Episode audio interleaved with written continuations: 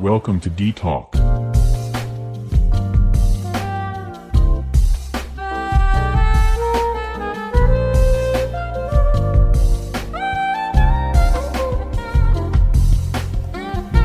halo, apa kabar? Ketemu lagi dengan saya Ardi Wicaksono. Masih di dalam D-Talk Ardi Talk.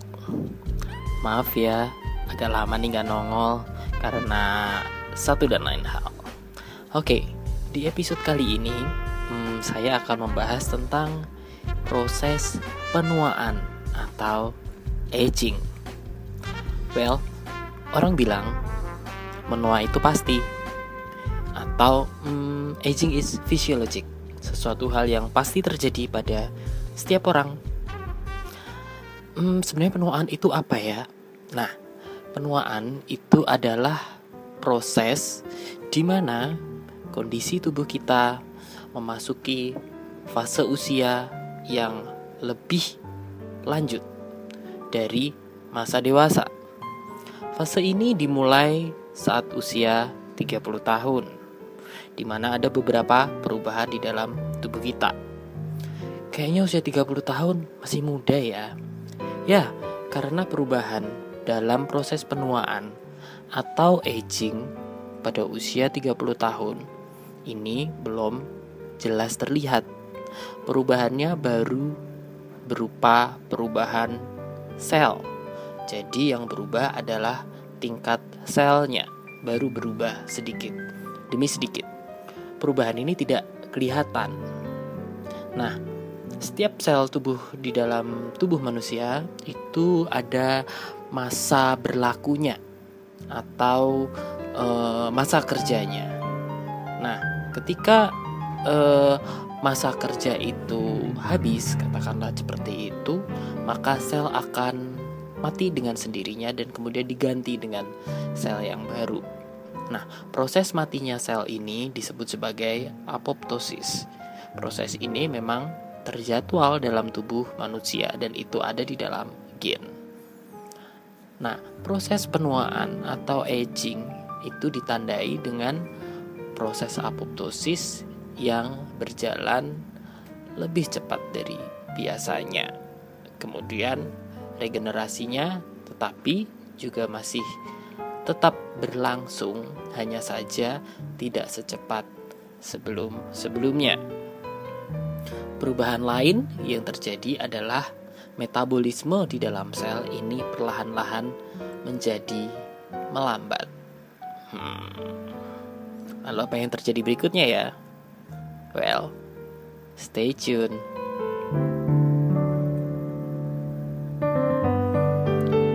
Oke, okay, Kembali lagi bersama saya Ardi Wicaksono dalam Ditok.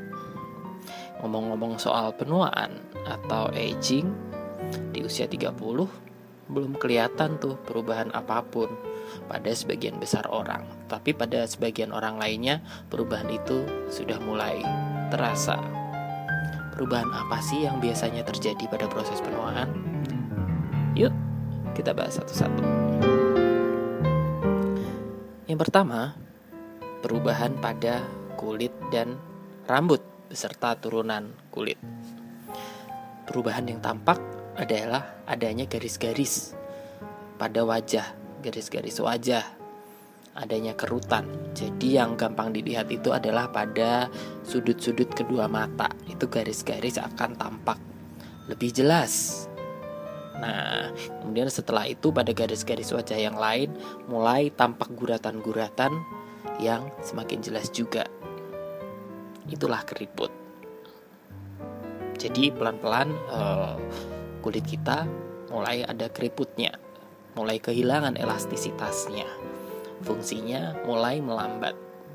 Jadi seperti tadi di dalam sel-sel kulit, metabolismenya juga melambat, kulitnya jadi tidak selentur ketika sebelumnya.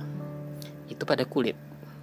Kemudian perubahan pada kulit yang lain pada proses penuaan yang lebih lanjut kira-kira mulai usia 40 atau 50 tahun adalah nampak adanya freckles atau bercak-bercak kehitaman bintik-bintik itu khas sekali pada kulit yang menua hmm, di kamu sudah ada belum Coba dicek dulu. Selain kulit, rambut juga mengalami perubahan. Yang paling jelas adalah adanya uban. Eh, tapi jangan salah, ada juga orang yang sudah banyak ubannya bahkan sebelum usia 20 tahun. Nah, kalau hal seperti ini lebih banyak dipengaruhi oleh genetik. Uban itu adalah e, rambut yang kehilangan atau kehabisan pigmen yang berwarna hitam sehingga yang ada adalah rambut yang keluar berwarna putih. Dan ini bisa saja tidak hanya di rambut kepala, bisa jadi di kumis, misalnya seperti itu atau di bagian tubuh yang lain yang ada rambutnya. Bisa keluar uban. Nah, ini memang sudah menjadi salah satu tanda bahwa seseorang mulai menua. Organ berikutnya adalah organ-organ pada sistem indera. Nah, contohnya adalah mata. Pada proses penuaan, tajam penglihatan itu biasanya mulai berkurang. Yang tadinya nggak perlu pakai kacamata, eh sekarang jadi butuh kacamata. Nggak jelas katanya kalau lihat TV misalnya, kalau nggak pakai kacamata. Atau ketika membaca suatu buku, tajam penglihatannya mulai berkurang. Kalau proses penuaannya berlangsung lebih lanjut pada orang yang lebih tua, kira-kira mulai usia 50 atau 60 tahun, organ berikutnya adalah telinga. Pendengarannya mulai berkurang. Tidak setajam dulu. Jadi kalau ngomong jadi cenderung untuk lebih keras. Selain itu, lidah sebagai indera pengecap juga mulai berkurang fungsinya jadi rasanya makan apa-apa aja rasanya jadi hambar. Nah, sehingga orang-orang uh, yang tua itu cenderung lebih suka makanan yang rasanya lebih tajam, misalnya lebih asin atau lebih manis karena sebenarnya uh, lidah mereka sudah berkurang fungsi pengecapnya. Begitu. Selanjutnya adalah perubahan pada saraf. Hmm, perubahan pada saraf itu yang pertama dapat diketahui adalah dengan mulai terjadinya lupa. Kayaknya apa sedikit lupa. Oh iya.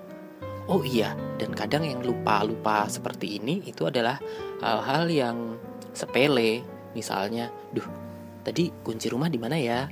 Atau tadi naruh kunci mobil di mana ya? Nah, hal-hal sesederhana itu itu bisa menjadi pertanda bahwa proses penuaan sudah terjadi.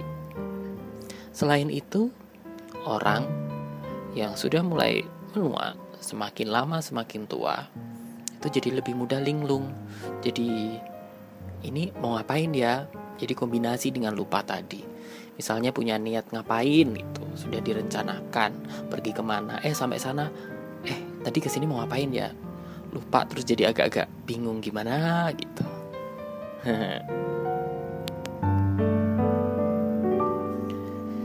selanjutnya adalah organ-organ pencernaan. Nah yang paling gampang dideteksi adalah lambung orang kalau sudah mulai tua itu kapasitas lambungnya berkurang. Jadi sudah nggak bisa makan terlalu banyak. Biasanya rasanya gampang penuh sebah seperti itu. Jadi nggak bisa makan yang jumlahnya sebanyak pada usia sebelumnya perubahan lain yang tampak itu adalah pada saluran kemih jadi orang yang semakin tua itu cenderung untuk mudah buang air kecil gampang pipis, dikit-dikit pipis, dikit-dikit pipis. Itu karena terjadi kelemahan pada eh, otot-otot perkemihan. Sehingga ketika kandung kemih sudah terisi sedikit, sensasinya adalah pengen buang air kecil. Padahal kalau dipakai untuk berkemih ya air kencingnya yang keluar juga nggak terlalu banyak. Seperti itu. Selanjutnya adalah pada organ genitalia atau reproduksi. Kalau pada perempuan, proses penuaan yang sangat jelas tampak adalah terjadinya menopause atau berhentinya siklus menstruasi. Jadi nggak haid lagi. Lalu kalau pada laki-laki, hmm, pada laki-laki disebut sebagai andropause. Laki-laki tidak seperti perempuan yang uh, mengeluarkan darah menstruasi secara rutin setiap bulan. Tapi kalau pada laki-laki hal ini ditandai dengan berkurangnya hasrat seksual, kemampuan untuk mempertahankan hubungan seksual sudah mulai berkurang. Nah, proses ini yang disebut sebagai andropause. Sepertinya ini perlu satu episode sendiri untuk membahas tentang hal ini ya.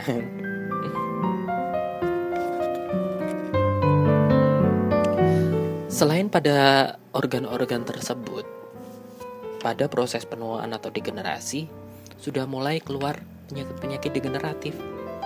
Paling sering adalah hipertensi atau tekanan darah yang meningkat.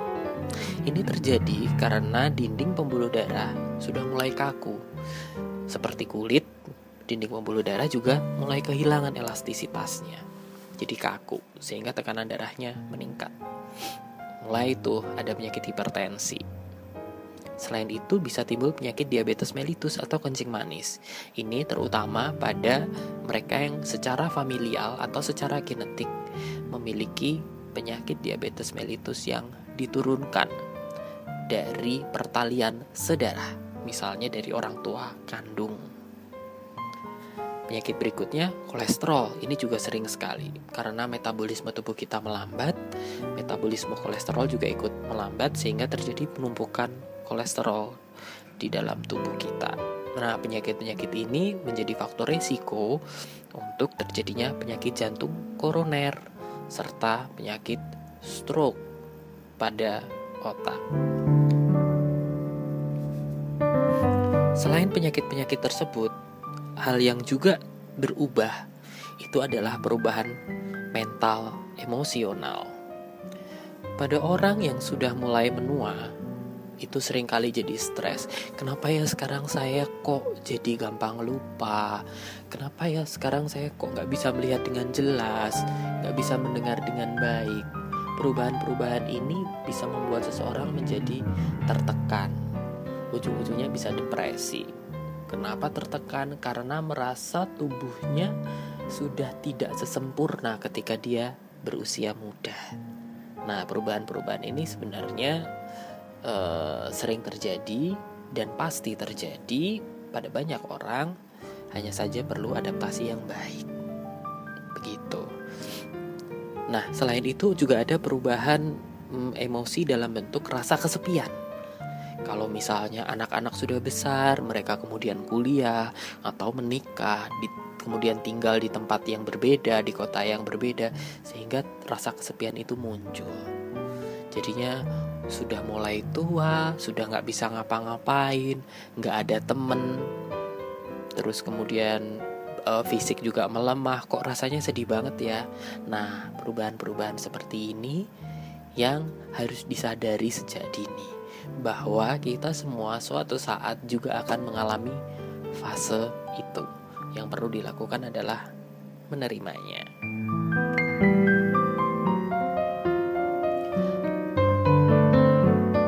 Lalu kalau proses menua itu pasti terjadi, apa sih yang harus dilakukan? Sebenarnya yang pertama adalah menghadapinya, menerimanya. Kita tidak bisa menghindar, kita tidak bisa membuat tubuh kita menjadi lebih muda lagi. Ini bukan uh, sesuatu foto yang kemudian dengan aplikasi tertentu kita bisa ubah menjadi lebih muda, menjadi tampak lebih muda, atau bisa kita perkirakan oh nanti saya jadi tuanya seperti apa. Itu hanya perkiraan, tetapi proses ini terjadinya pasti dan individual sekali pada setiap orang. Urutan prosesnya akan berbeda-beda.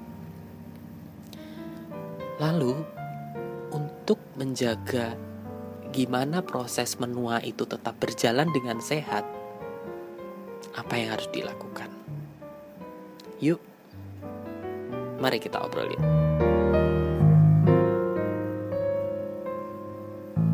Oke, masih dengan saya Ardi Wicaksono dalam Ditok ngomong-ngomong soal penuaan. Mari menua dengan sehat. Yang pertama dilakukan adalah membiasakan diri untuk berolahraga. Nah, kebiasaan ini sebenarnya nggak usah nunggu sampai tua ya. Ketika muda, biasakan berolahraga supaya tubuh kita tetap bugar, otot kita tetap kuat, walaupun nanti akan menua, walaupun ototnya juga makin lama makin melemah, setidaknya badan tetap bugar sehingga kekebalan tubuh juga masih uh, tetap baik sehingga tidak mudah sakit dan badannya juga masih terlihat sehat. Jadi olahraga memang sangat bermanfaat dalam proses penuaan. Penuaan itu tidak bisa dihindari, tetapi bisa agak direm atau diperlambat laju penuaannya. Yang pertama dengan olahraga itu tadi, membiasakan metabolisme di dalam tubuh kita itu berjalan dengan baik. Jadi tidak memberikan kesempatan bagi tubuh untuk memperlambat metabolismenya. Olahraganya apa? Olahraganya yang aerobik saja. Yang pertama, bisa berlari atau jogging, bisa bersepeda atau berenang. Sisanya, kalau misalnya mau tambah dengan olahraga anaerobik seperti latihan beban, push up, sit up, silahkan saja. Tetapi prinsip olahraga aerobik perlu dipertahankan karena metabolisme aerobik adalah metabolisme yang e, paling banyak digunakan di dalam tubuh kita. Sehingga maintain atau menjaga tubuh kita dengan olahraga aerobik itu menjadi sangat bermanfaat pada proses penuaan.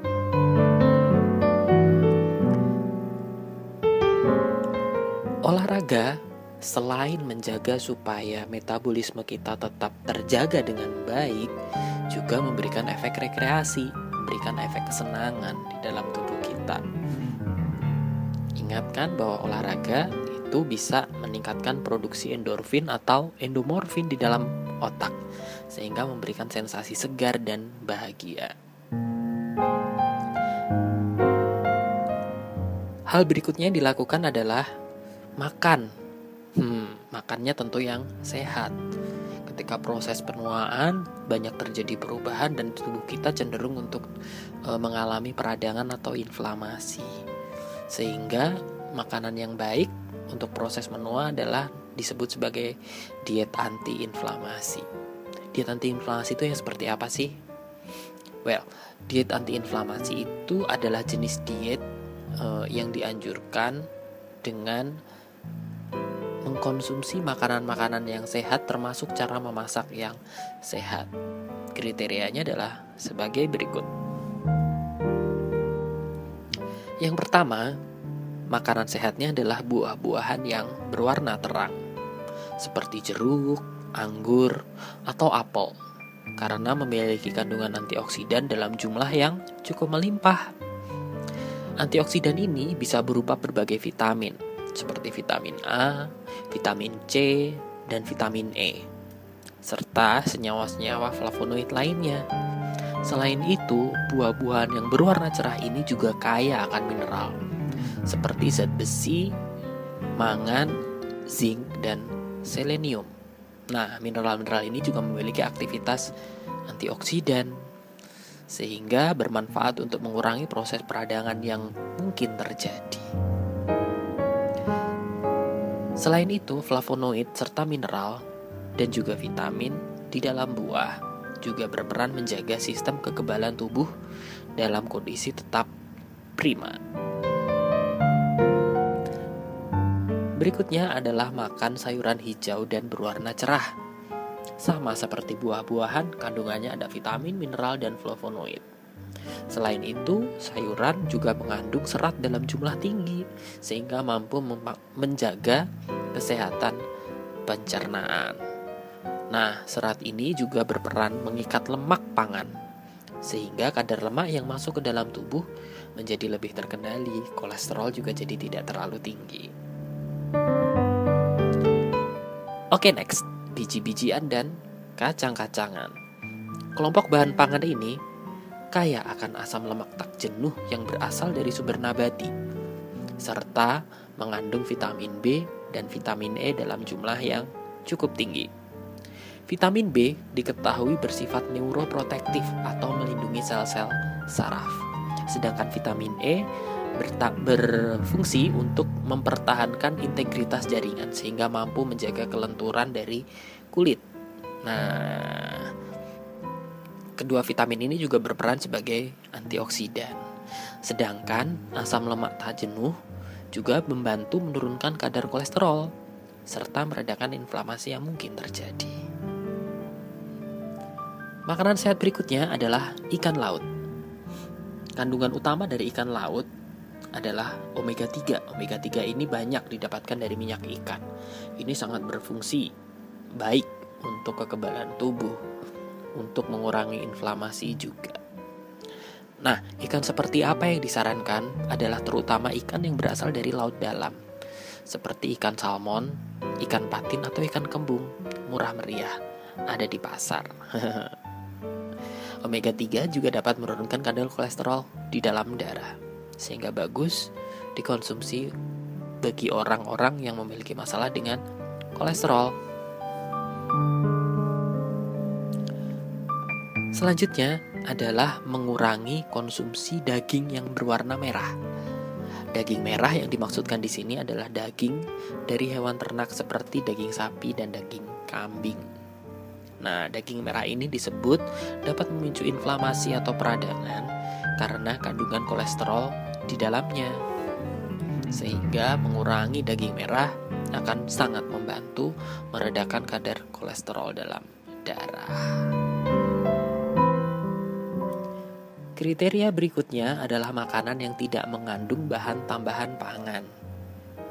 Bahan tambahan pangan adalah bahan kimiawi buatan yang digunakan untuk meningkatkan kualitas rasa, penampilan, tekstur, dan daya tahan makanan. Jadi bentuknya bisa berupa pengawet, perasa, pewarna makanan, pemutih, pelam, pemanis, pelembut, serta berbagai bahan kimia buatan lainnya. Nah, bahan tambahan ini yang ada di dalam e, makanan kemasan biasanya itu dapat memicu reaksi inflamasi di dalam tubuh manusia karena sifat kimiawinya. Berikutnya adalah sebisa mungkin. Sebisa mungkin ya, bukan berarti harus dihindari. Adalah tidak makan makanan yang digoreng. Jadi yang digoreng itu jangan banyak-banyak deh yang dimakan. Karena proses memasak e, dalam bentuk menggoreng ini menambahkan lemak ke dalam makanan. Jadi cenderung meningkat nanti kolesterolnya. Kemudian kalau misalnya memang e, pengen makan makanan yang digoreng, gunakan minyak itu tidak lebih dari tiga kali pemanasan, karena nanti akan mengandung lemak jenuh yang lebih banyak. Jadi yang dimaksud adalah misalnya nih tuang minyak ke dalam wajan kemudian dipakai menggoreng. Terus kemudian minyaknya masih bersih, didiamkan karena selesai menggoreng minyaknya dinginkan. Kemudian pengen menggoreng makanan yang lain lagi, dipanasin lagi ini udah dua kali pemanasan. Nah, minyaknya sebenarnya setelah gorengan kedua ini sudah jangan dipakai lagi. Karena ketika dipanaskan untuk yang ketiga kalinya, maka asam lemak jenuhnya akan menjadi sangat tinggi. Selanjutnya adalah menghindari makanan yang dibakar langsung di atas bara api. Langsung kebayang sate ya. Makanan yang dibakar langsung di atas bara api, apalagi kalau sampai menghitam, akan mengandung senyawa karbon lebih banyak. Jadi kalau misalnya lagi pengen banget makan sate, boleh, tapi bilang sama yang jual sate untuk jangan terlalu gosong, jangan sampai gosong bakar satenya. Senyawa karbon ini dapat menyebabkan inflamasi atau peradangan di dalam tubuh. Lebih lanjut, senyawa karbon eh, yang berupa pembakaran yang sampai gosong ini dapat memicu kanker pada usus. Serem kan? Berikutnya adalah sebisa mungkin direm nih untuk makanan-makanan cepat saji atau fast food. Nah, makanan cepat saji ini cenderung untuk memiliki kalori dalam jumlah yang tinggi, terutama berasal dari lemak. Lemak dalam makanan jenis ini sangat mudah meningkatkan kadar kolesterol dan trigliserid di dalam darah. Nah, kolesterol lagi kan. Nanti jadinya inflamasinya makin berat deh. Selain makanan, yang perlu dihindari adalah sirup dan minuman bersoda.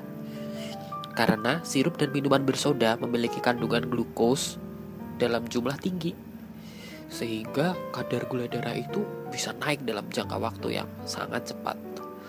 Kalau memang misalnya kamu punya keturunan diabetes, nah ini bisa memicu nih. Soda di dalam minuman juga dapat merusak dinding mukosa lambung. Kemudian jadi gampang sakit mah, sakit perut. Enggak banget kan ya?